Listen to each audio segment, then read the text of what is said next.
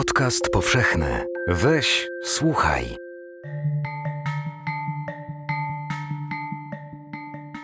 Ganbare. To od 11 marca 2011 roku najczęściej powtarzane słowo w Tohoku, zniszczonym przez tsunami północno-zachodnim regionie Japonii.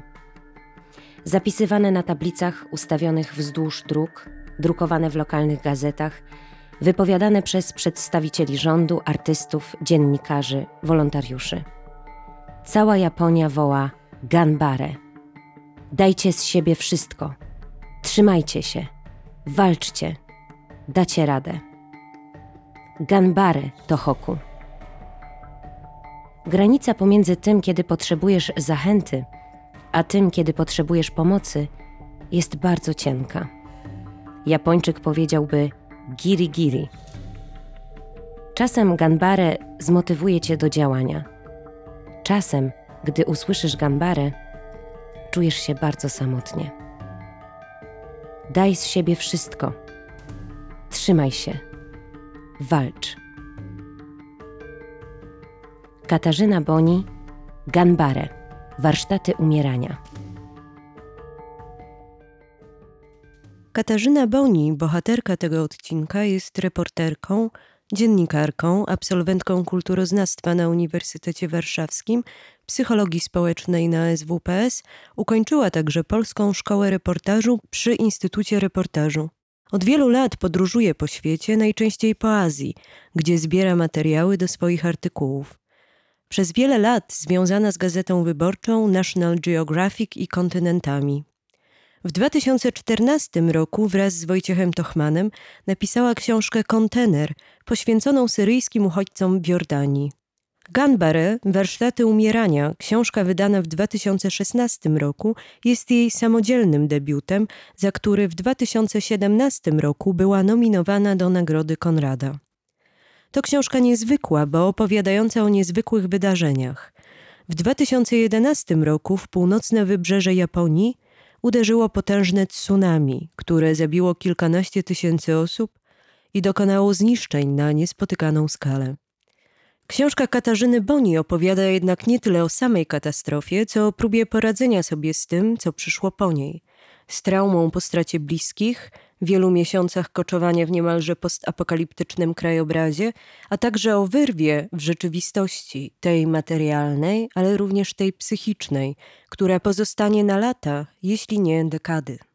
Napisałaś książkę, która balansuje między życiem i śmiercią, nadzieją, a rozpaczą. Dobrze to czytam, czy to jest na wyrost powiedziane? Chyba dobrze. W sensie mam też takie poczucie, że każdy czytelnik ma swoją własną rację, prawda? Więc e, jeżeli tak to czytasz, to na pewno dobrze to czytasz. Dla mnie e, oczywiście jest to książka o, o, o śmierci, o stracie i o przeżywaniu traumy ale jest to też książka o tym, i to dla mnie było ważne w pracy nad nią, w moim prywatnym procesie twórczym. To było bardzo ważne, żeby ona nie była tylko o tym, ale żeby pokazywała też właśnie, jak ludzie sobie z tym radzą, jak z tego wychodzą i w jaki sposób żyją dalej. Jest to też książka o Japonii. E, no, ten kontekst jest e, ważny, e, ale czy najważniejszy w tej książce? Jest bardzo ważny. Jest bardzo ważny z wielu powodów. Oczywiście dlatego, że ta katastrofa, którą opisuję, czyli tsunami z 2011 roku i później w konsekwencji tego tsunami wybuchy w elektrowni atomowej w Fukushimie, wydarzyły się w Japonii. Dla mnie jest bardzo ważne, bo, bo Japonia jest miejscem, do którego wracam i które pozwala mi siebie samą lepiej zrozumieć. A nie y, rozmawiając, czytając, śledząc losy swoich bohaterów, nie, nie ogarniała cię momentami depresja? Bo ja czytając twoją książkę miałem momentami aż zbyt głęboko chyba wchodziłem w te, te, te, te, ten smutek, ten rozpacz, ale też taką rozpacz, która jest niecodzienna, bo to opisujesz taki stan, który nie jest zwykła rozpacz, niezwykła strata, zwykła tragedia, która, znaczy zwykła tragedia to może też słowo, ale, ale to jest taka katastrofa na, na skalę, której, e, którą ciężko sobie wyobrazić w ogóle. E, mhm. Taki absolutny koniec świata, taka trochę postapokalipsa niemalże. Y, no tak, pytanie jest takie, na ile dla każdej osoby, która przeżywa nawet y, w mniejszej skali katastrofę, chociażby, nie wiem, powódź, która zalała pięć domów, a nie, a nie zniszczyła całe wybrzeże. E, to, to też w skali indywidualnej jest katastrofa, taka sama jak dla każdego z tych ludzi w Japonii, którzy stracili Zginęło 18 tysięcy ludzi i całe rodziny kogoś straciły, tak? I trochę nie ma znaczenia, czy to było 18 tysięcy ludzi, czy to było tylko 5 osób, które zginęły. Dla tych, którzy kogoś stracili, ta, ta, ta strata jest y, tak samo niewyobrażalna. Mnie w pewien sposób to cieszy, kiedy mi ludzie mówią, że jakieś, jakieś emocje w nich budziła ta książka i bardzo lubię tego słuchać. Też mam poczucie, że w każdym inny rozdział budził coś innego. Są ludzie, którzy do mnie wracają i mówią o tym, że nie mogli spać po nocy po przeczytaniu rozdziału o o, o duchach bez twarzy, o, o upiorach bez twarzy. E, są ludzie, którzy właśnie piszą, że poruszyła ich e, rozmowa przez e, telefon wietrzny i to im najbardziej utkwiło w głowie. I, I to mi się podoba, bo to znaczy, że, że trafiłam z tym całym spektrum emocji, które do mnie dotarło i które ja dostałam od Japończyków, to udało mi się też je przekazać w książce i do różnych ludzi e, różne emocje trafiają. Może gdybyś czytał tę książkę za pół roku, może coś innego, w sensie będziesz w innym stanie emocjonalnym i coś innego do ciebie trafi. I wydaje mi się to dla mnie, jako autorki, to, to jest bardzo e, budujące i bardzo lubię też o tym słuchać, ale pytałeś, czy mi było ciężko. E, I tak, i nie. Pytam też o pewien pewną skalę empatii, którą musiałeś sobie siłą mhm. rzeczy uruchomić. Czy ona nie była momentami obciążeniem wręcz? W reportażu i wśród ludzi, od których się uczyłam reportażu, panuje taka zasada, chociaż oczywiście każdy ma później swoją wrażliwość i każdy działa już jako, jako człowiek z konkretną bardzo wrażliwością, konkretnym zestawem poznawczym, ale uważa się i mówi się o tym, że nie powinno się bardziej przeżywać niż bohater, z którym się rozmawia. I to rzeczywiście działa. To nie jest tak, że ja planuję sobie, że nie będę płakać albo że nie będę czegoś, czegoś robić, że z góry przychodzę nastawiona jakoś na spotkanie z bohaterem. Ale gdzieś ja też, ja mam e, za sobą studia psychologiczne, jestem e, psychologiem społecznym i mam doświadczenie prowadzenia rozmowy, w której rozmawiamy o bardzo emocjonalnych rzeczach i w której ja potrafię współodczuwać z tą osobą, ale potrafię też, nie to, że się zamknąć i wycofać, bo absolutnie nie, bo jakby ja też pozwalam, skoro ta osoba mi daje uczucia, ja też jej daję moje uczucia i moją uwagę i, i moją obecność, ale gdzieś mam poczucie, że może też dzięki właśnie takiej szczerości, dzięki temu przepływowi uczuć, ja potem nie muszę tego, w sensie to we mnie nie zostaje, to, to, nie, to mnie nie obciąża.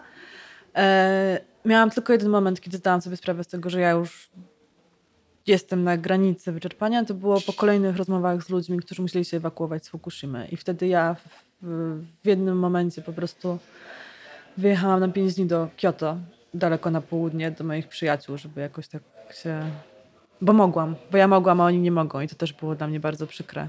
E, ale ja już po prostu dłużej nie mogłam wytrzymać tego napięcia, które w Fukushimie rzeczywiście jest bardzo, bardzo odczuwalne, bo to jest w, przeciwieństwie do tego, co się wydarzyło z tsunami, e, które uderzyło, odeszło, zabrało i można już policzyć ofiary i można to zamknąć i można przejść żałobę, to Fukushima cały czas się dzieje. Cały czas e, nie, nie do końca wiadomo, jaka jest sytuacja w samej elektrowni, E, teoretycznie można wracać na te tereny, ale ludzie się boją na nie wracać, bo nie są pewni, czy one już są wystarczająco oczyszczone i czy na przykład jeżeli wrócą tam ze swoimi dziećmi, to te dzieci będą bezpieczne. I tak dalej, i tak dalej, i tak dalej. To jest katastrofa, która trwa. I napięcie w tej prefekturze jest ogromne. No i ja właśnie miałam ten luksus, że mogłam wyjechać. I to był pierwszy moment, w którym sobie zdałam sprawę z tego i właściwie chyba jedyny, że to, co robię jest obciążające dla mnie.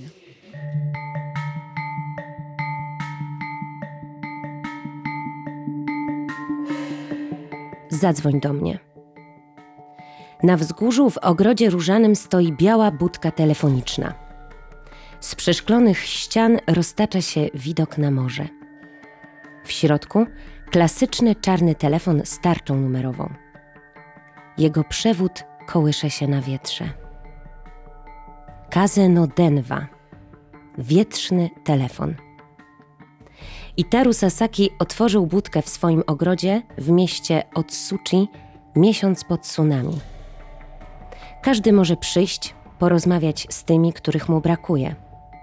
Goście wchodzą do środka pojedynczo, podnoszą do ucha słuchawkę, opierają się o ścianę, pochylają głowy. Może opowiadają o sobie, a może tylko zadają pytania. Na rozmowie niesionej wiatrem spędzają długie minuty. Kto wierzy w to, że w niepodłączonym telefonie nic nie słychać, ten nic nie usłyszy. A kto posłucha bardzo uważnie, może usłyszy odpowiedź. Przez trzy lata budkę wiatrów odwiedziło ponad 10 tysięcy osób. W książce rozłożonej obok telefonu zostawiali notatki. Ktoś napisał: Wreszcie powiedziałem do widzenia. Katarzyna Boni, Ganbare, warsztaty umierania.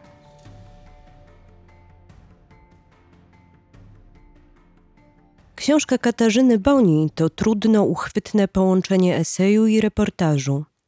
Książka, która opowiada o bardzo wielu rzeczach w niezwykle oryginalny sposób. Autorka nieustannie zmienia perspektywę. Raz przybliża plan, opowiadając pojedynczą, indywidualną historię o stracie i śmierci, kiedy indziej odsuwa go, dając nam szeroką historyczną panoramę. O czym jest Ganbare? Trudno jednoznacznie odpowiedzieć na to pytanie.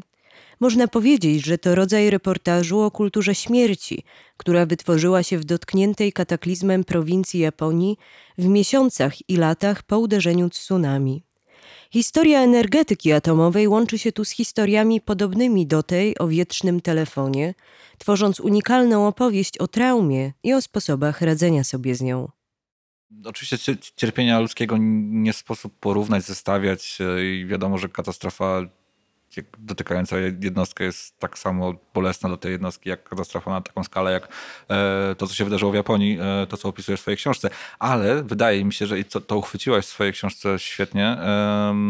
W Japonii przynajmniej w tym, tym, tym, tym obszarze, e, w tym regionie, o którym opisujesz, wytworzyłaś coś takiego jak kultura śmierci albo kultura obcowania ze śmiercią. e, Coś takiego fenomenal, fenomenalnego, czy fascynującego i przerażającego jednocześnie. Te wszystkie elementy, które wymieniałeś już wcześniej, właśnie ten wieczny telefon, tak? te zjawy, które zaczęły krążyć, e, ale też taka po prostu no, warsztaty śmierci, które tytułowe, które, które też zaczęły się tam pojawiać jako element radzenia sobie z, z, z traumą, która w tej skali chyba zaczęła funkcjonować jako pewien e, w ogóle coś przenikającego całą kulturę i relacje społeczne. Nie wiem, czy miałeś takie wrażenie, będąc tam i obs- obserwując, rozmawiając z ludźmi.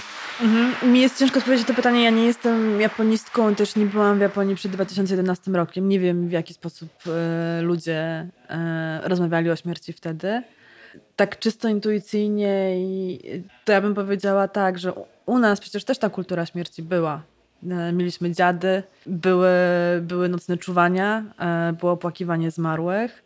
E, I to zostało jakiś czas temu wycięte. Ja zresztą jedną z rozmów, które prowadziłam w Krakowie, rozmawialiśmy o tym, jak bardzo na zachodzie ta śmierć została odsunięta, zakryta, zasłonięta, ukryta i schowana. I nie wiem, na ile w Japonii też tak było. Wydaje mi się, że nie, że ona zawsze jest gdzieś bardziej na, na powierzchni, że to jest też po prostu sposób rozmawiania o, e, o śmierci. No tak, brakuje mi trochę narzędzi poznawczych, żeby odpowiedzieć ci bardzo profesjonalnie na to pytanie. Mogę tylko mówić o tym, co, co czuję i myślę, tak? Chodzi mi przede wszystkim właśnie o twoje odczu- odczucie. Czy czułaś coś takiego właśnie w powietrzu, coś takiego, coś niezwykłego? No znasz też Japonię trochę z innych, innych miejsc, tak?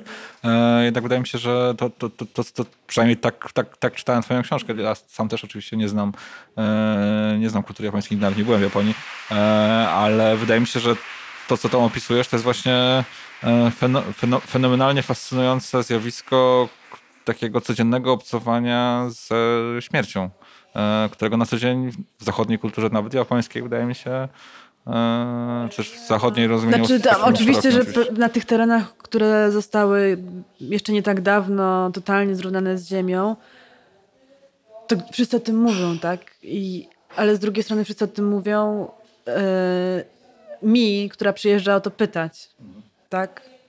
Więc też jasne, że jest poczucie czegoś, co było i czego, i czego już nie ma, czyli jakiegoś zakończenia, można to nazwać śmiercią, chociażby kiedy jedzie się wybrzeżem, e, widać zarośnięty trawą brzeg I pomiędzy kępkami trawy rosną żonkile. I widać, że to nie są żonkile, które wyrosły e, tak po prostu na łące, tylko to są żonkile, które kiedyś były żonkilami ogrodowymi, bo one są zasiane w, odpowiednim, e, w odpowiednich odstępach od siebie i to układa się wszystko razem we wzór. I wiadomo, że tam kiedyś stał dom, tylko tego domu już nie ma, bo to jest po prostu tak płaskowyż z trawą i z tymi żonkilami. I, i, i widać, znaczy może to, to jest najlepszy obraz, który pokazuje o tym, że to poczucie straty, nawet nie nazwałem tego śmiercią, ale to poczucie straty tam, tam jest, bo ono jest po prostu też wizualne. I na pewno jest też w ludziach, którzy tam żyją, no bo oni jeszcze nie tak dawno, 6 lat temu, a w momencie, kiedy zbierała materiały do książki, to 4 i, i 5 lat wcześniej, stracili kogoś. Tak? E, więc to poczucie straty na pewno jest, ale nie wiem, czy na co dzień generalnie Japończycy bardziej obcują śmiercią, ze śmiercią niż, niż inne narody. Nie wydaje mi się. Katarzyna Boni opowiada o niezwykłych, często wręcz granicznych doświadczeniach. Ale siła jej książki bierze się również z oryginalnej formy, którą autorka nadaje przytaczanym przez siebie historiom. Ganbare złożone jest z kilkudziesięciu krótkich rozdziałów, z których każdy jest samodzielną mikrohistorią. Dziennikarka każdej z nich nadaje inny kształt. Czasem jest to poradnik przetrwania dla mieszkańca zniszczonej, niemalże postapokaliptycznej krainy, kiedy indziej zasłyszane historie o duchach bez twarzy, albo, jak usłyszą Państwo w ostatnim fragmencie, warsztaty mające na celu oswojenie nas z własną śmiercią czytając twoją książkę, no dawno nie doświadczyłem takiego właśnie poczucia e, wejścia w ten, ten, ten, ten, ten rozpacz, ten, ten klimat śmierci, ten nastrój właśnie takiej żałoby, traumy, często nie, nieprzepracowanej, bolesnej, ale ten efekt osiągasz właśnie pewnymi e, dość konkretnymi zabiegami, też takimi nazwijmy to stylistycznymi, e, kompozycyjnymi, formalnymi. Mm, to nie jest zarzut z mojej strony, to jest pytanie, czy nie miałaś poczucia, że czasami na przykład, że coś trzeba by bardziej powiedzieć może surowo, że może przesadzasz formalnie, albo że układasz coś w, tak, że zaczyna to wyglądać e, bardziej. Na przykład nie, nie, miałeś, nie, miałeś, nie miałeś takiego poczucia manipulowania na przykład czytelnikiem, jego emocjami e, w swojej książce. To nie jest zarzut. Ja, Wie, rozumiem. Wiesz, wiesz, co mi chodzi. E, nie, bo starałam się w tym, co piszę, za każdym razem znaleźć najlepszą formę do opowiedzenia tej właśnie historii, którą opowiadałam. I bardzo się starałam, żeby... Mm, ta historia nie przyćmiewała mojego bohatera, tylko żeby była najlepszym środkiem wyrazu dla niego, żeby była takim pojazdem, który go, go niesie. E, więc nie miałam poczucia, że, e, że tutaj mm, czegoś nadużywam. Czyli najpierw była historia, a potem szukałaś e, tak, środka tak, wyrazu. Tak, mhm. zawsze najpierw była historia, a potem, a potem gdzieś mi się rodziło w głowie, w jaki sposób to E, to najlepiej napisać, w jaki sposób oddać rozpacz matki, która straciła dzieci, e, a w jaki sposób opowiedzieć historię mężczyzny, który przeżył cztery, nie on sam fizycznie, tak, ale jakby, który ma pamięć rodzinną e, sięgającą do prababci i razem przeżyli cztery, cztery tsunami te, te tsunami są opowiadane przez niego.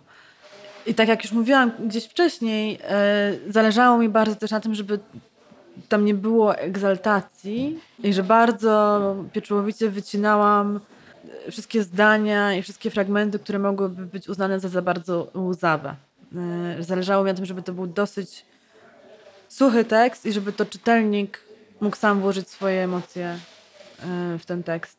I żeby też to były emocje tych bohaterów, a nie emocje mojego pisania, tak? Albo mojego po prostu Y, jakiegoś poczucia, że ja siedzę za tym biurkiem właśnie tutaj czytam tą smutną historię i chciałabym tak jeszcze ją tutaj dokręcić, jeszcze tutaj śrubeczka, jeszcze tutaj przymiotniczek i tak dalej, i tak dalej. I nie, bardzo się starałam. Nawet jeżeli czasami sobie pozwalałam na to, to i tak potem siadałam i, i, i to wycinałam.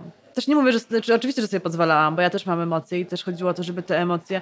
Zresztą wersji książki było kilka ja emocje po prostu wrzucałam w pierwszych wersjach, a potem w trzeciej wersji wreszcie mogłam zacząć pisać właśnie oddając głos bohaterom, a już nie, a nie angażując siebie tak bardzo w to.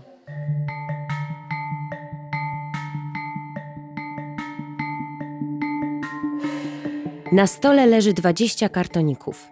5 białych, 5 niebieskich, 5 czerwonych i 5 żółtych. Zastanów się dobrze, co jest dla ciebie naprawdę ważne. Teraz weź długopis.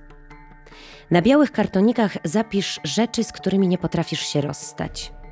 Telefon, komputer, dom, samochód, pierścionek, pamiątka po babci, a może pieniądze. Nie przejmuj się, jeśli nic nie przychodzi ci do głowy. Możesz wpisać rzeczy, które po prostu lubisz. Nawet swojego iPada. Na niebieskich kartonikach zapisz miejsca, które wiążą się z dobrymi wspomnieniami i miejsca, które kochasz. Stok, po którym jeździsz na nartach, wieś, w której spędziłeś wakacje w dzieciństwie, miasto, w którym studiowałeś, góry, morze, motyle. Na czerwonych kartonikach zapisz rzeczy, które lubisz robić. Twoja praca, hobby i Twoje marzenia. Zdobyć ośmiotysięcznik, napisać książkę, wykształcić dzieci. Przyjaźń? Tak. I miłość też. Na żółtych zapisz imiona ludzi, którzy w Twoim życiu znaczą najwięcej. Nawet zmarłych. I zwierzęta. Mama, tata, siostra, mąż, dziecko, babcia, przyjaciel, kochanek, pies. Masz tylko pięć kartek. Rodzice? Nie oszukuj.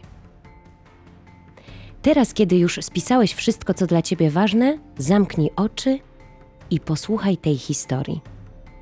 Opowiada o tobie albo o kimś bardzo do ciebie podobnym. Jest ciepły wiosenny dzień. Kwitną wiśnie i forsycje. Kiedy wracasz z pracy, wysiadasz jedną stację wcześniej, żeby przejść się kawałek w słońcu.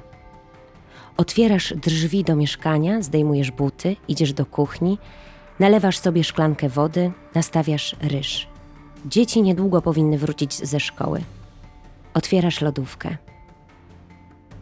Nagle przeszywa cię ostry ból w dole brzucha. Kulisz się.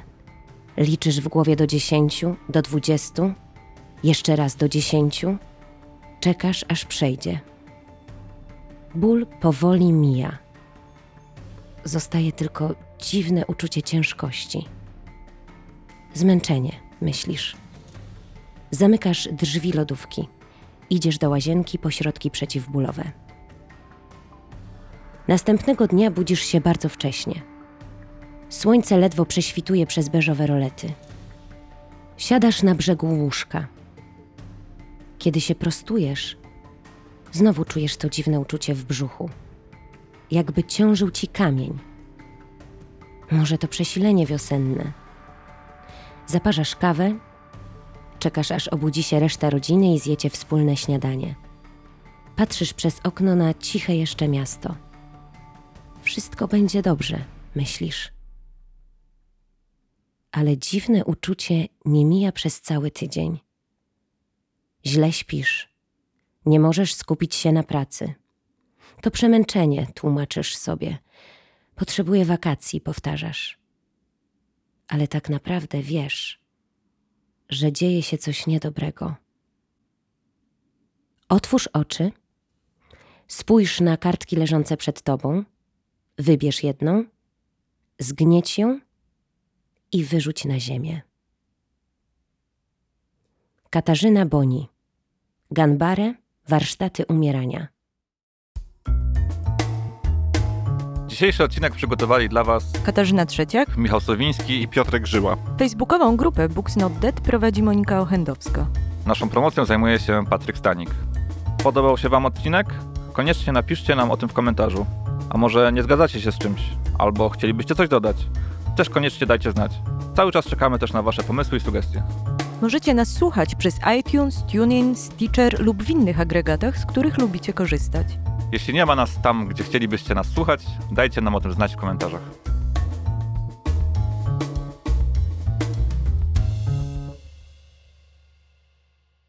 Podcast powszechny. Weź, słuchaj.